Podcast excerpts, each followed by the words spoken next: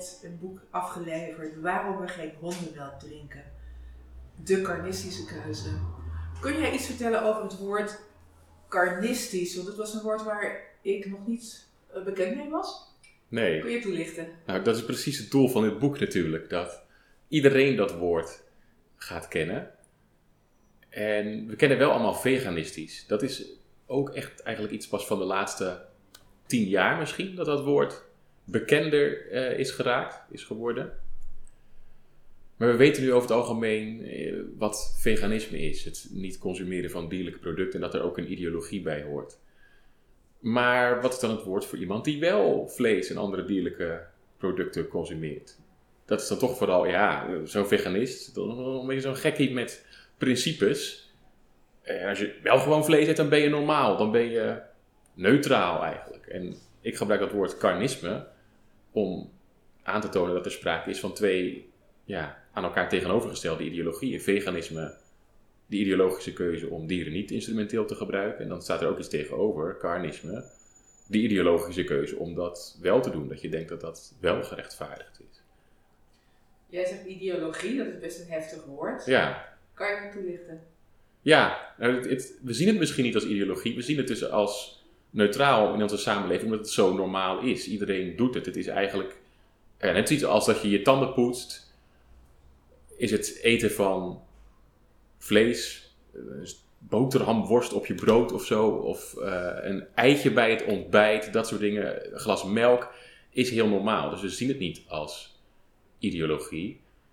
Maar ja, filosofisch gezien is bestaat er geen neutraal. Zeker niet wanneer het gaat om wanneer je keuzes maakt die een effect hebben op anderen. En met anderen bedoel ik in dit geval dieren. Als die lijden onder jouw keuze, dan betekent het dat daar een principe achter zit. Oké, ik vind het gerechtvaardigd dat voor mijn eitje, voor mijn melk, voor mijn boterham met worst, dat daar een dier voor lijdt of sterft. Ja, maar één eitje is toch niet zo erg? Ja, eh, allicht zijn tien eieren erger dan, eh, dan één ei, uiteraard. Maar, kijk, waar komt dat ei vandaan? Dan zou je toch een kip moeten houden. Het kan niet zo zijn dat je een ei ergens uit de lucht eh, plakt. En dat zie je niet op de, zie niet op de podcast, maar ik maak nu een simpel van, oh, er valt een ei uit de lucht en ik vang het in mijn hand. Dat, dat, bestaat niet, dat het ei zomaar ergens vandaan komt. Het komt altijd van een dier dat daarvoor op bepaalde wijze instrumenteel eh, gebruikt is. En nu stel jij de vraag van, ja, één eitje is niet zo erg. Wat ik nog wel eens vaker krijg is van, ja, maar wat dan als je zo'n kip eh, in je eigen achtertuin hebt? Je hebt een hele grote achtertuin, daar heb je een paar eh, kippen en daar zorg je goed voor. Daar is toch niks mis mee? En dat gaat al uit van het idee dat een kip nou eenmaal eieren legt en dat wij die dus kunnen gebruiken. Dat is, denken we nooit over na.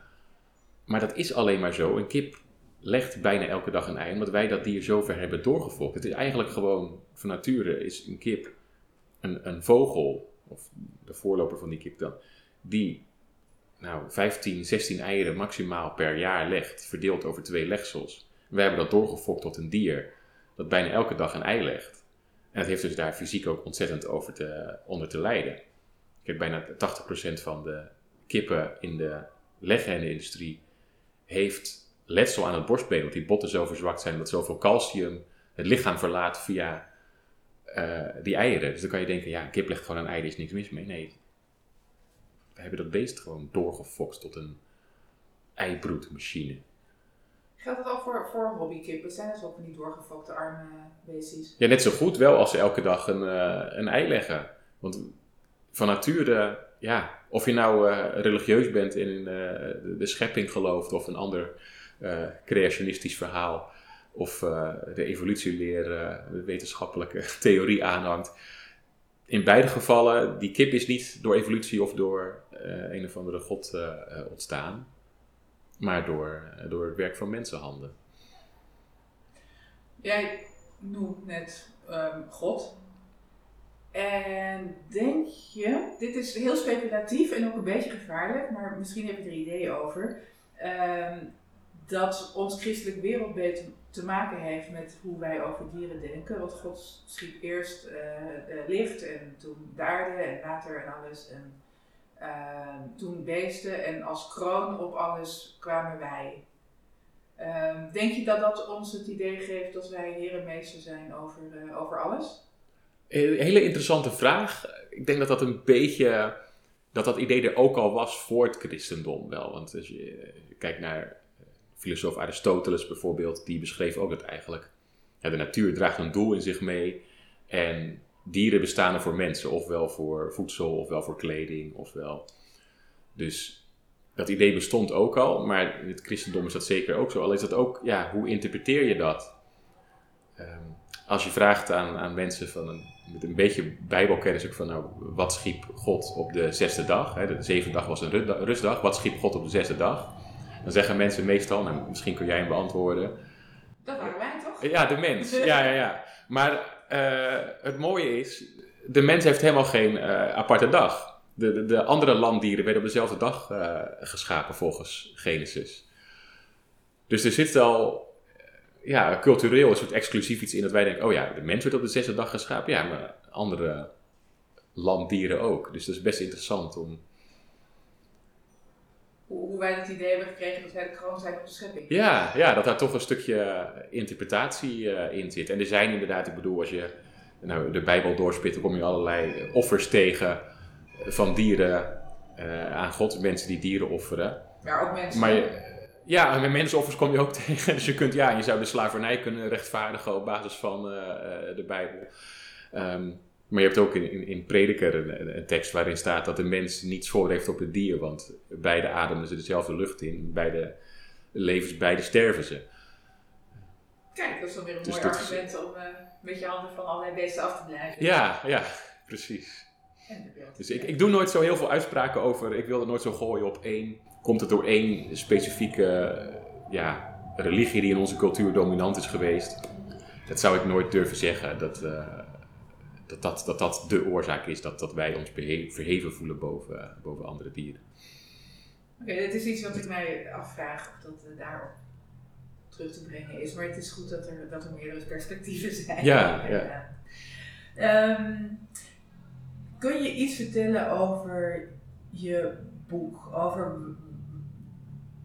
de noodzaak voor jou om dit boek te schrijven? Ja. En of de, het moment waarop je dacht, damn, dit is een goed idee, dat ga ik Ja, ja. Nou, e-, enerzijds is het doel, heb ik misschien in het begin al genoemd, dat mensen dus ook het woord carnisme gaan kennen. Dat nu als je van de middelbare school, misschien eigenlijk al vanaf de basisschool komt, dat je dan niet alleen weet wat een veganist is, maar ook wat een carnist is. En het moment voor mij, wat mij vooral fascineerde, was de, ja, hoe de sociale norm vooral mensen en hun keuzes beïnvloedt.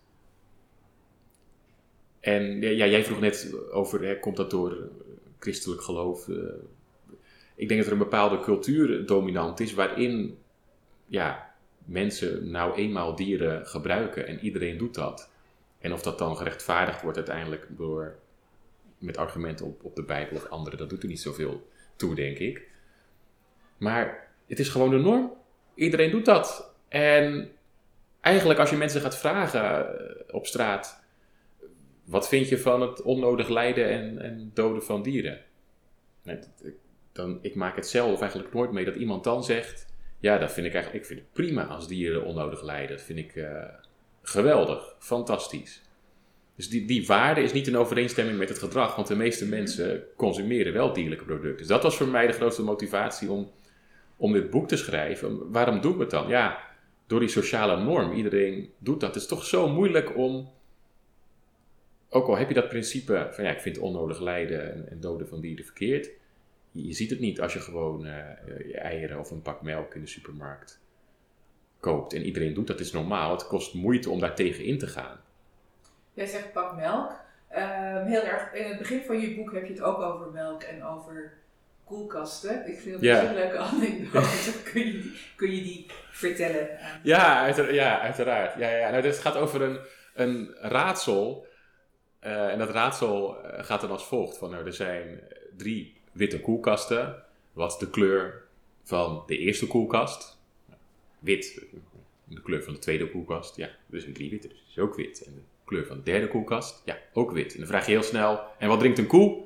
Melk. Vloepen mensen er dan uit. En het idee achter dat raadsel is dan, zo wordt die verklaard. Uh, ja, je, je denkt aan melk omdat je net geassocieerd hebt op de kleur uh, wit.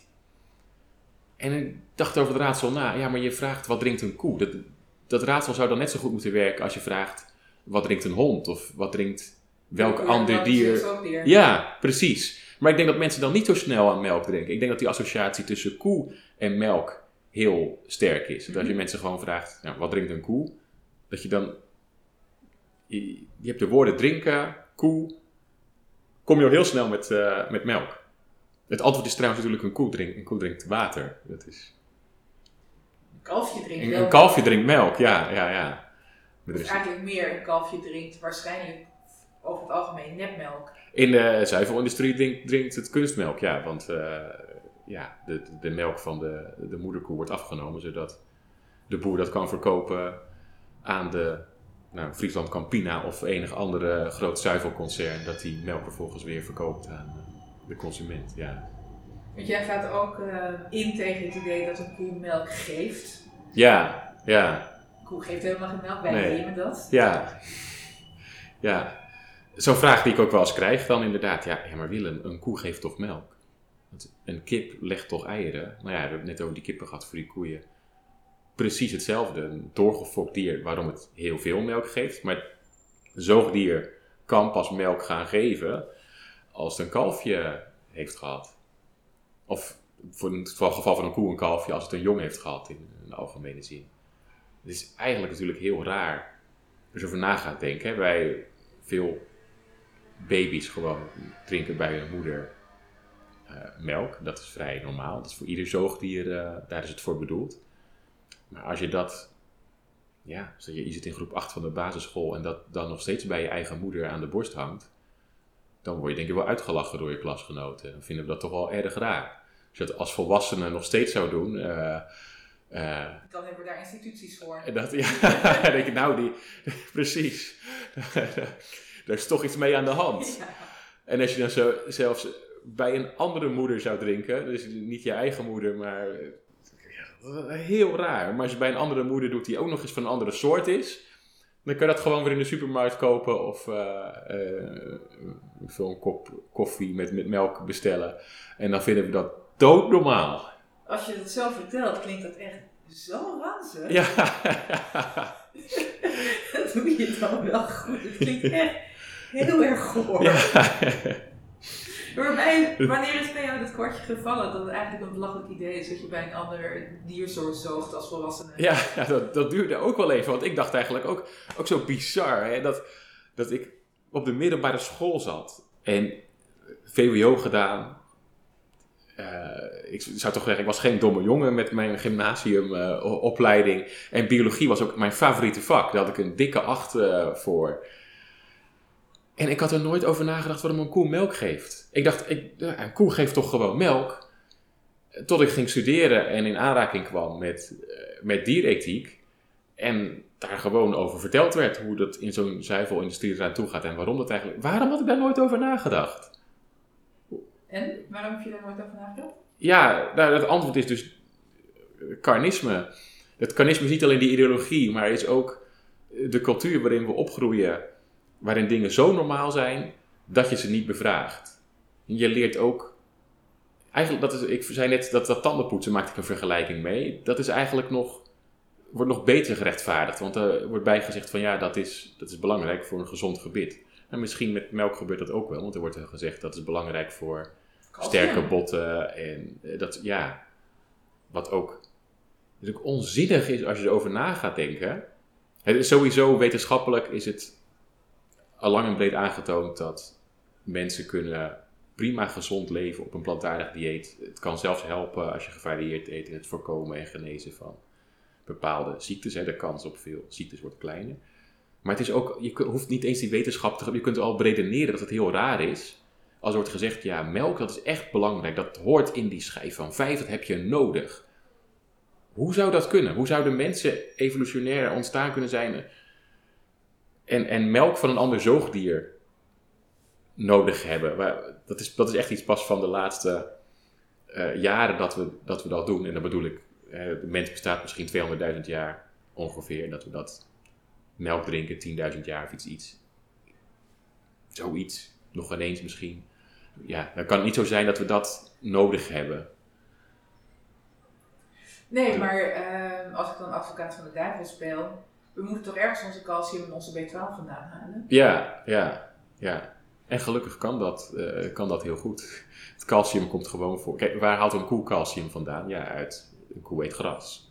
We of wij hebben geen zeven magen, dat werkt toch helemaal niet dat wij ook een beetje gaan grazen? Nee, nee. nee, gelukkig. Uh, iedere soort weer een, weer een ander uh, dieet. Maar als jij uh, sla of boerenkool, bladgroenten, die zijn over het algemeen rijk aan calcium. Maar ook bepaalde pitten, noten en zaden. Dus als je, heel, als je over het algemeen gevarieerd eet, calcium. De ene komt het in grotere hoeveelheden voor, en andere voedingsmiddelen in kleinere hoeveelheden, maar krijg je altijd wel voldoende calcium uh, binnen. Over B12 zei wel iets interessants, moeten we ook eerlijk zijn. In het plantaardig dieet wordt aangeraden om een B12-supplement uh, eh, te nemen, omdat dat tegenwoordig niet meer voldoende voorkomt in een plantaardig dieet. Uh, je zegt tegenwoordig, is dat? Ja, dat is anders, anders geweest omdat het geproduceerd wordt door een bacterie die in de, in de bodem voorkomt. Dus als je zo'n wortel met nou, nog wat aarde aan eet, dan zou je in principe B12 uh, genoeg kunnen binnenkrijgen. Uh, de reden dat bijvoorbeeld koeien, dat het wel in koeienmelk zit, is omdat die koeien ook uh, B12, die hebben, die, wordt ook toegevoegd aan hun voer. Ja, dat gebeurt ook. Of er wordt uh, het, het, B12 is een vitamine die zich bindt aan, aan het mineraal kobalt. Dat wordt ook wel eens dan toegevoegd aan aan koeien voor een hele kleine hoeveelheid, want anders is het ook giftig. Um, dus dan kun je zeggen, als sommige mensen zeggen van ja, ik wil geen supplement nemen. Nee, maar ja, als je melk drinkt, dan heb je, drink je melk van een dier dat wel uh, ja, voeding heeft, tot zich heeft genomen, waarin ook een bepaalde... Met nog antibiotica? Ja, ja daar, zit, daar wordt van alles aan uh, toegevoegd. Uh. Laten we nog heel even doorgaan over koeien en kalveren. Want in de vleesindustrie en in de zuivelindustrie is het zo dat, dat zo'n uh, koe eindeloos uh, bezwangerd wordt ja. via kunstmatige inseminatie. Ja. Um, de kalf wordt weggehaald, want anders is er geen melk. Ja. Hoe ziet het leven van zo'n koe eruit? Ja, nou, je, je, zei eindeloos, ja, je zei eindeloos, maar dat, dat is ook maar meestal een jaar of vijf, zes. Um, en daarna is het klaar, want er is, uh, of de vruchtbaarheid is ontzettend afgenomen. Er zijn natuurlijk wel uitzonderingen. Um, of ja, zo'n koe heeft gewoon dat het niet meer efficiënt is om die koe in leven te houden en dus naar de slacht uh, uh, te sturen. Dan, terwijl een koe eigenlijk wel een jaar of twintig kan worden. En wat ik begrepen hebben... is dat koeien ook um, emotionele wezens mm. zijn. Het klinkt, het klinkt een beetje oeh, maar ik heb begrepen, maar dat is dan wel weer uit veganistische bronnen, dus dat, is dan, dat heeft een doel, mhm. dat koeien ook vriendschappen kunnen vormen met andere koeien. Ja, het zijn kuddedieren natuurlijk. Dat, um, kijk, en geen, koeien zijn niet precies hetzelfde als mensen in het ervaren van. Uh, dat komt altijd op een schaal voor, hè, maar je, je, kunt wel ook weer logisch bredeneren op basis van bepaalde kennis die we hebben. Ja, zoals een koe een, een spijsverteringsstelsel heeft, ziet er iets anders uit, want een koe heeft vier magen je zet er net ook iets over. Dus, maar een koe heeft uh, dus die magen, darmen, lever zoals wij dat ook hebben. Uh, een koe heeft ook hersens. Nou, bij ons gebeuren die, die, emoties, dat vindt ook plaats in de hersenen. Dat is bij een koe ook zo. Een koe, uh, wanneer een kalf wordt weggehaald bij een koe, dan kun je ook dat vaak zien aan de koe. Een koe wil dat niet. Als een koe genoeg energie heeft na de bevalling. Ik ben er zelf ooit een keer getuige van geweest. Nou, die probeert dat met mannenmacht te voorkomen. Die, die wil dat kalf beschermen, die wil constant bij dat kalf zijn. En je kunt het ook meten, hè, als in wetenschap natuurlijk zorgvuldig meten, maar wat gebeurt er nou? Dan gaat de stressniveaus gaan omhoog, dus de hartslag van zo'n koe gaat omhoog. Heeft daar stress van en blijft ook gerust nog drie dagen lang loeien uh, om de kalf, wat is, uh, wat is weggenomen. Ja, een koe kan je niet vertellen dan ik ben zo verdrietig en, en, en huilen, maar uit dat wel op andere manieren dat, ja, ik, ik vind het ook echt heel curieus om te veronderstellen dat wij de enige zoogdieren zijn, of de enige dieren zijn überhaupt met emoties. Dat zou vreemd zijn, hè? Er zou er Dat ergens een soort van, in de evolutie een, een, miljoen jaar geleden of zo, een punt moeten zijn geweest. Zo, en nu ineens, eh, vanaf dit punt hebben alle dieren eh, alle emoties eh, erin gestopt, maar alles wat daarvoor, eh, alleen op onze afsplitsing eh, eh, zijn al die emoties erin gestopt. Ja, dat is een heel rare eh, aanname, ja. Vooral omdat hondeneigenaren wel claimen dat ze de emoties van hun hond kunnen Ja, lezen. ja. Katteneigenaren kunnen zien of ze boos, verdrietig Ja. En ook mensen wanneer je dicht bij een, een varken of een koe staat, dan, dan kun je dat ook gewoon zien natuurlijk. Die, die dieren zijn ook individuen waarmee je, nou, die je zou kunnen leren kennen. En het is makkelijk omdat, en dat is eigenlijk een, ja, met ook wel carnistische verdedigingsmechanisme of bepaalde rechtvaardiging waarmee we zeggen, ja maar als jij, als jij vlees eet of, of koemelk drinkt, dan, en het is ook, dit is ook onderzocht, hè, dit is gewoon psychologisch onderzoek. Mensen die eerst eh, vlees gegeten hebben, die schrijven minder mentale vermogens toe aan die dieren die ze net gegeten hebben, dan mensen die niet net die dieren hebben gegeten. Omdat het moeilijk is om dat te accepteren. Dat leidt gewoon tot een, een, een cognitieve dissonantie, zoals dat dan heet. En dan gooi ik heel veel begrippen erin. Dat inderdaad Ja. gaan gebruiken, dan moet het met cognitieve Ja, dissonantie ja. Ja, als je de overtuiging hebt om. Dus van nou, ik ben tegen onnodig eh, dierenleed. Maar je hebt wel net vlees gegeten. Ja, dat is daar niet helemaal mee in overeenstemming. Als die dieren dus inderdaad daardoor geleden hebben. Dus is dan een manier om eigenlijk te zeggen: ja, maar die dieren kunnen helemaal niet zoveel lijden. Je hebt eigenlijk heel weinig bewustzijn, heel weinig eh, besef van wat er gebeurt. Dat voelt dan voor jezelf veel gemakkelijker. Het is zo makkelijk om dat te rechtvaardigen. Wij, wij denken als mensen dat wij rationele wezens zijn, dat we daardoor kunnen ja, ons onderscheiden van dieren. Maar daarin zie je al hoe makkelijk we dat, dat verlogenen. Een klassiek voorbeeld is met, met roken bijvoorbeeld natuurlijk. Dat als je, ja nee, ik kan er nog wel eentje, kan ik nog toch wel roken. Dus eentje is niet zo schadelijk. Of eh, ja, mijn oma die is 95 geworden en die rookte. Dat, dat je dat soort dingen dan aanhaalt om, eh, om je gedrag te rechtvaardigen. Ja. Ehm, denk jij dat. Zijn vleeseters eigenlijk dan per definitie onethisch in jouw optiek? onethisch, als je dus weet, als je eigenlijk wel weet, of misschien zelfs kunt weten, want ik vind dat je ook wel een plicht hebt om na te gaan van wat jij consumeert, waar dat vandaan komt, dat daar dierenleed achter zit, ja, dan vind, dan vind ik dat onethisch. Ik vind het ethisch onverantwoord. Zou het een idee zijn, bijvoorbeeld, net zoals jij zegt, net sigaretten.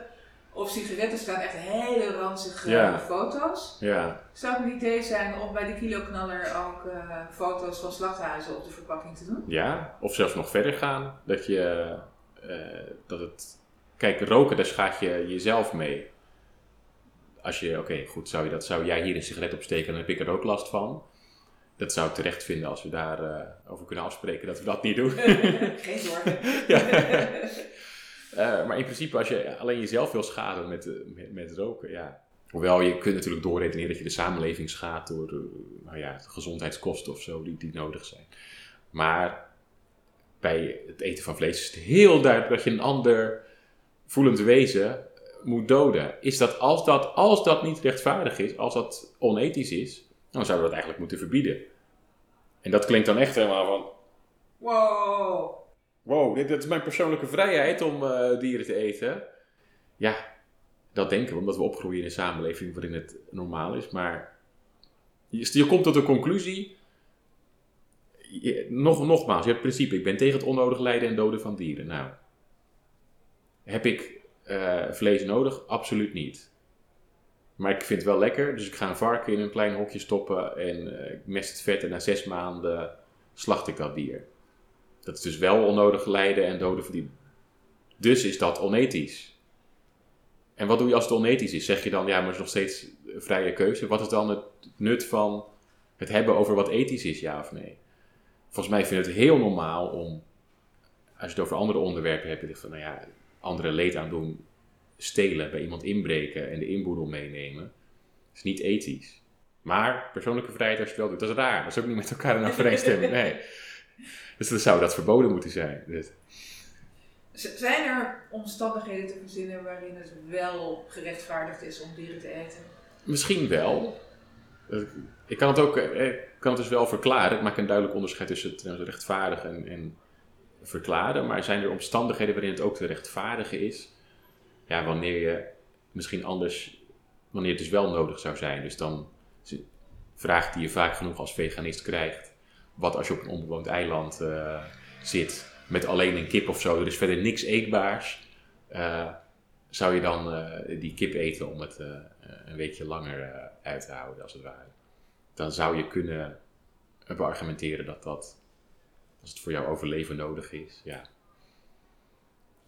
Omdat dan zou ik toch kunnen zeggen, er zijn ook mensen die zeggen van, nou ja, kip, mens, je hebt allebei leven, allebei voelende wezens, ja. Eh, misschien ga jij wel eerst dood en kan die kip eh, van jou, eh, jouw lichaam pikken, zeg maar, en daardoor overleven. Dat, dat zou je ook. Er zijn ook mensen die dat zeggen. En ik, ik denk op zich dat je nog wel een onderscheid kunt maken tussen verschillende diersoorten. Zo vind ik, hè, als ik moet kiezen tussen. ik word in een dilemma geplaatst. Ik moet kiezen of ik moet een mug doodslaan, of ik moet een koe doodmaken. Nou, dan, dan maar die mug, want heeft toch minder vermogen om te lijden, om te voelen. En ze zijn ook een stuk irritant. En ze zijn een stuk irritanter. Precies. Maar het mooie is in de, in de alledaagse wereld, ja, wij leven in zo'n wilde en luxe dat het helemaal niet nodig is om, eh, om dieren te doden voor je, voor je eigen bestaan. In een stedelijke omgeving is het, het is nog nooit zo gemakkelijk geweest om, Mhm. om als veganist te leven. Je kunt naar willekeurig welke supermarkt gaan en er staan bordjes bij wat veganistisch Ja. is en niet. En je kan, ik heb op het station in Utrecht een veganistisch kaasbroodje gegeten van. Ja. Ik wil echt veel beter dan dat Ja. wordt het gewoon Ja. Ja. Dus het is echt heel erg simpel. Maar als je bijvoorbeeld ehm, als een indigenous volk ergens eh, boven de Poolcirkel leeft, dan wordt het toch echt verrotte lastig om proberen worteltjes uit de grond te krijgen. Ja. Ja, dat is ook waar. Ja. Dan kun je je debat over voeren. Ja, moet, je, moet je daar dan wonen? Of zou je... Ja. Kun je ook over... eh, ja. Ja, die, Eh, daar kun je over debatteren. Ja, van, ja. Maar dat gaat wel heel erg ver. Het gaat ook ver. En ik. ehm, kijk, ik vind. Al dat soort vragen. Denk van oké.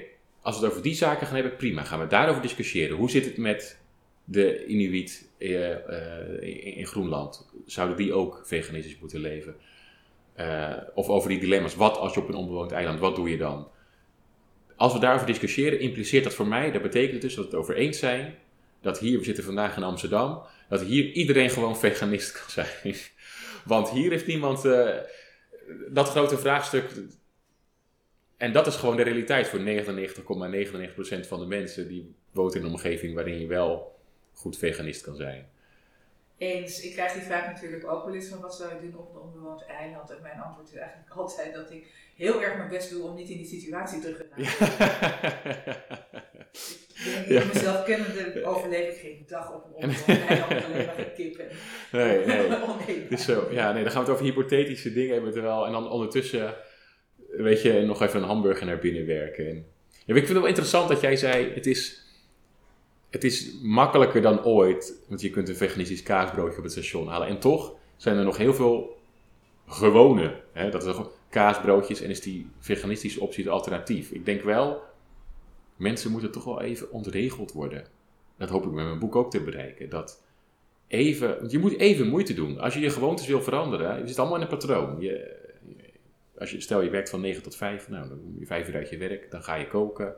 Dan ga je, dan, ga je niet elke dag nadenken over het, het heroverwegen van, van je gewoontes. Het moet een keer ontregeld worden dat je andere keuzes maakt. Maar daar moet je even moeite in steken. En zo moeilijk is het allemaal niet, inderdaad. Nee, het is heel goed te doen. Wat zijn de grootste obstakels voor mensen, denk je, om, eh, om niet ontregeld te willen raken?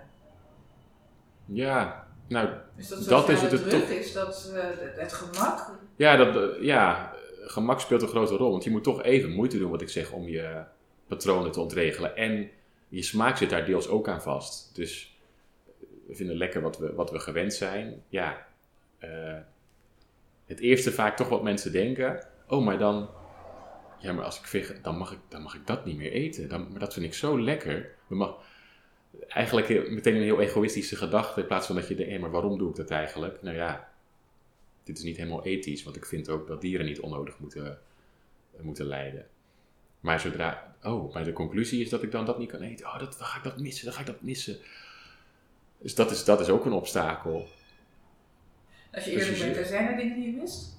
Zijn er dingen die ik mis? Ik zit, eh, ja, ik ben acht, negen jaar veganist bijna. Ehm, ik, vind wel dat eh, eh, vegan kaas of zo is, is volgens, in mijn herinnering nog niet de, de, altijd de kaas die, eh, die het van vroeger was. En ik vond vroeger kaas heel lekker. Maar ik kan niet meer zeggen dat ik dat, dat, ik dat mis of zo. Dat dat, nee. Het is ook, is, voor mij is dat ook uit mijn, uit mijn systeem. En die vegan kaas is ook goed genoeg trouwens. Er zijn paar echt ontzettend lekker. ja, ja. Ehm, de recepten gaan we hier niet uitdelen, dat gaan we niet doen. Ik wil het nog wel even met je hebben over huisdieren. Mhm. Ehm, want jij hebt er ook een mening over. ja. Ehm, kun, ja, laten we beginnen met jouw mening. Dat is misschien. ja. Ja, Mijn, mijn stelling is dat, je, dat wij niet het recht hebben om dieren tot ons bezit te maken. Ik vind het prima als mensen interacties hebben met dieren, maar dan moet dat vanuit een gelijkwaardige, vrijwillige basis gebeuren. En ja, er zijn voorbeelden daarvan over. Er zijn eh, dolfijnen die graag in de buurt van eh, schepen gaan zwemmen. Eh, als jij vogeltjes voert, dan komen die vogels raken misschien steeds meer vertrouwd met jij. Er zijn ook verhalen over dat, dat hè, mensen gewoon vogels op hun arm als het ware kunnen laten landen. En, eh, maar op het moment dat jij die dieren dan echt gaat trainen en van jou afhankelijk gaat maken, ik vind dan zo'n vogel moet altijd de vrijheid hebben om, om weg te vliegen. Maar je moet ze niet in een kooitje gaan stoppen. Dat is toch, ik, ik vind dat zoiets raars. Dat me, ik geloof best dat mensen oprecht van dieren houden. Want je dan bijvoorbeeld een vogeltje hebt en in in een kooitje hebt zitten. Omdat jij graag een vogel, een vogeltje wil hebben, dan maak je dat dier dat, dat dient dan jouw plezier. En, Maar met, met- met- met honden werkt dat toch heel anders. En je gaat lekker met het park, naar, met, met, met je hond naar het strand. Ja. Weet je toch ook, ja? ja, dat is maar de vraag of, of, eh, of, ieder- of iedereen dat doet. En ze, zit, ze zijn zo afhankelijk hè, van mensen dus. Niet iedereen gaat met ze naar het strand of naar, naar het park. Dus je moet zich ook volledig aanpassen aan een menselijke omgeving. Dus vaak wonen ze toch in de stad. En dan misschien dat ze op, op zaterdag of zondag eh, naar het strand mogen. Maar de rest van de week is het een blokje om aan de lijn. In een stedelijke omgeving waar die dieren helemaal niet op eh, geënt zijn, om het zo te zeggen. Ehm, er is ook onderzoek gedaan door de Universiteit van Wageningen dat eigenlijk een hond wel 200 vierkante meter aan, aan ruimte nodig heeft. Nou, dat kunnen de meeste mensen niet, niet bieden. Nee. En ze leven in een roedel. Dat zijn echte eh, roedeldieren. En wij halen ze juist weg uit hun families, omdat mensen graag een, een hond willen hebben. En zijn dan volledig, die dieren zijn dan volledig afhankelijk. Ja, wanneer ze te eten krijgen, wat ze te eten krijgen. Dus ze hebben ook niet zoveel eh, in te brengen. Nee, dat is Dus het, waar. ja, Dat is ze waar. hebben, Maar hoe zit het dan met katten? Want katten hebben zichzelf min of meer gedaan. Ja, sorry, katten hebben de mens gedomesticeerd. Van, eh, die zorgen goed voor mij. Ja, ja, ik denk dat je, er zit wel per diersoort een verschil in. Kijk, als jij een eh, zandbak in de tuin hebt en daar een, een paar mieren in gevangen houdt, als het ware, dat je zo metalen wanden dat die niet weg kunnen, dat je graag mieren houdt. Dus die zullen dat vast niet zo erg vinden. Eh, en voor zijn kat is het misschien ook minder erg wanneer die buiten kan rondlopen. Is ook wel, wel weer schadelijk trouwens voor vogeltjes die dan gevangen worden.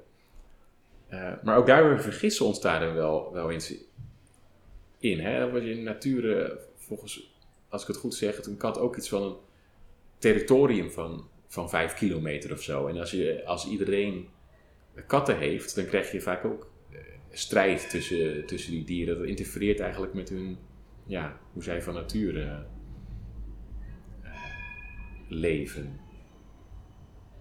Ja, het grootste. Ik hou ontzettend van katten en ik zou Mhm. heel graag weer een kat willen.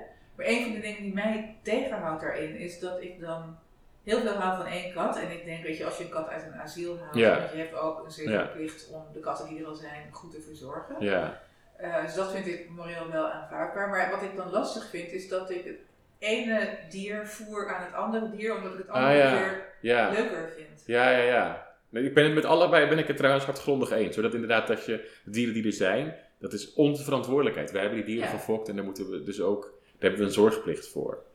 Absoluut. Eh, je moet alleen niet doorgaan met dus fokken, want dat is ook nog eens. Jij kan een kat fantastisch verzorgen, maar er zit als een, een fokprogramma achter. Van, eh, ja, en het, het voeren van andere dieren aan katten. Er is ook veganistisch voer voor eh, honden en katten. Al zijn katten van nature natuurlijk wel echt carnivoren. Ja, ja, precies. Die ja. taurine geloof ik nou. Ja, ja, en dat, dat natuurlijk met onze moderne technologie kunnen we vegan voer aan katten geven. Dat is ook een heel interessant ethisch eh, dilemma. Zouden we dat, zouden we niet eigenlijk ook de, de carnivore dieren in de natuur, en dan gaat het misschien te ver voor deze podcast vandaag, we proberen moeten het eh, herbivoren te maken om ze dus planten eh, als voedsel te geven, zodat ze niet andere dieren leed aandoen. Ja, maar dan ga je. Dan heb je ook een, een menselijke perceptie van hoe de wereld er in elkaar zou moeten zitten, die je oplegt op dieren. Ja, ja. volgens mij niet, Nee, dat is ook. filosofisch gezien niet anders dan een andere ingreep in hun, eh, in hun leven. Ehm, nou, je kunt het natuurlijk argumenteren dat, dat, min, dat, dat, dat je dan minder leed in de natuur hebt. En als jouw filosofie is van nou, ik wil in het algemeen minder leed, dan is dat eh, iets goeds. En dan zeg ik het heel simplistisch. Maar ik denk dat het inderdaad wat ver gaat. Het is niet te vergelijken met eh, wat, dat wij mensen eh, vlees of, of geen vlees eten. Want wij mensen, dat is 100% zeker, hebben het niet nodig. En een, een leeuw in de, in de natuur, ja, die, die kan niet zonder. Eh, we gaan langzaam zeker afronden. Wat zijn de vier beste argumenten om veganist te worden? De vier beste argumenten om veganist te worden. Of er is er maar eentje. Dat is, mag, ik, er vier noemen? Nee, voor, voor mij is het, het belangrijkste morele argument. eh, Dat ieder voor zichzelf die vraag kan beantwoorden. Hebben wij het recht om andere voelende dieren aan ons te onderwerpen? Zo, zo ja, waarom? Nee, ik kan die vraag niet, niet positief beantwoorden. Als ik dat niet nodig heb, hoe kan ik dan ooit? En dat is ook gewoon een, een ja, beginsel van eh, dat, je, dat je alles ge- gelijk behandelt. Als ik vind dat ik jou niet, andere mensen niet aan mij mag onderwerpen, eh, omdat ik vind dat die individuen het recht hebben op, op hun eigen leven, waarom zou dat dan niet gelden voor dieren die net zo goed kunnen aan, aanspraak maken op die belangen? Omdat ze even goed gevoelens hebben en dus ja, beperkt worden in de vrijheid die ze eigenlijk zouden willen hebben. Omdat dat ze gevoelens hebben. Ze willen niet lijden. Ze willen niet. eh, nou ja, kijk naar die hond. Wil een hond opgesloten zitten in een huis eh, in zijn eentje zonder, zonder soortgenoten eh, daar? Dat, dat denk ik niet. Dus, Dus ze Maar- maken dat ook verbaal wel dus dat, duidelijk met, met gejammer. Ja, ja, ja nou, maar dat, dat, dat is waar veganisme voor mij over gaat. Het is Niet alleen het consumeren van dierlijke producten, maar ook dus het, toe-eigenen van, van honden of, of, of katten of, of andere dieren. Dus het belangrijkste argument daartegen is van ja, welk recht heb je om, om een ander voelend wezen aan jou te onderwerpen? Als je vindt dat, dat, dat je dat niet met mensen mag doen, wat maakt een hond dan anders dat het met een hond wel zou mogen? Ben Dat- ik met je eens. dat- ja. Ehm, waar ik aan zit te denken, wat mensen ook nog over de streep kan trekken, is dat bijna alle eh, pandemieën terug te voeren zijn op Ja. interactie met dieren. Dat lijkt me ook een argument nu we Dus al in- bijna twee jaar in, in deze shit zitten. Ja, Om, eh, ja, je, je motivatie Dat- heroverwegen. ja. Eh, een Ja. andere voor ons natuurlijk is dat we onder de zeespiegel leven Klopt. en dat de milieu-impact Ja. eh, van, van Ja. de dierenindustrie nogal heftig is. Ja. Nee, dat zijn allemaal redenen om. eh, ik denk dat die eh, moreel gezien als ware iets minder sterk zijn, omdat je. Ze zijn Niet- egoïstischer. Nee, ze zijn. Ja, en ze zijn niet. Ze leiden niet per se tot 100% veganisme of zo. Je zou nog steeds in theorie. In theorie, hè, dat is niet klimaatneutraal of heel erg je CO2-afdruk kunnen verlagen. En nog steeds dierlijke producten consumeren. Maar het morele principe van: ik heb niet het recht om een ander voelend wezen tot mijn bezit te maken, dan, dan kan je nooit iets dierlijks eten. Uh, maar inderdaad, ik ben het met je eens. Er zijn nog heel veel, als je je daar niet in kunt vinden in die filosofie die ik aanhang, dan heb je altijd nog uh, het klimaat, andere milieuproblemen, want de veehouderij, dat is, dat is, noem een milieuprobleem. En je kunt het terugvoeren voor het grootste gedeelte bijna altijd tot de veehouderij. Dat is bizar. Of je hebt het, uh, oceanen die, waar hele stukken dode zones ontstaan, dus gebrek aan zuurstof, is dan door de veehouderij. Waarom? Dat er allerlei uh, mest uh, via uitspoelt via de bodem en rivieren, wat dus een enorme uh, verrijking aan stikstof en andere mineralen, waardoor algen heel erg gaan groeien. Dat, heeft, dat verstoort het hele ecosysteem en ik kan dat niet hier allemaal in detail uitleggen. maar uiteindelijk leidt het tot dat juist dode zones ontstaan, dat er steeds zuurstofarmer water ontstaat. Nou, zo kan je elk milieuprobleem uh, langslopen en dan heeft de veehouderij daar een grote bijdrage aan. Boodschap lijkt me duidelijk. Houd toch op met dieren eten. Ja, ja, ja. Dankjewel dus, Willem Formaat. Het boek heet Waarom we geen hondenmelk drinken, de carnistische keuze. Het is uitgegeven bij Boom en te verkrijgen uiteraard bij Atheneum Boekhandel. Willem, dankjewel. Ja, graag gedaan. Ik zou dus ook zeggen, koop het uh, ook vooral bij Atheneum.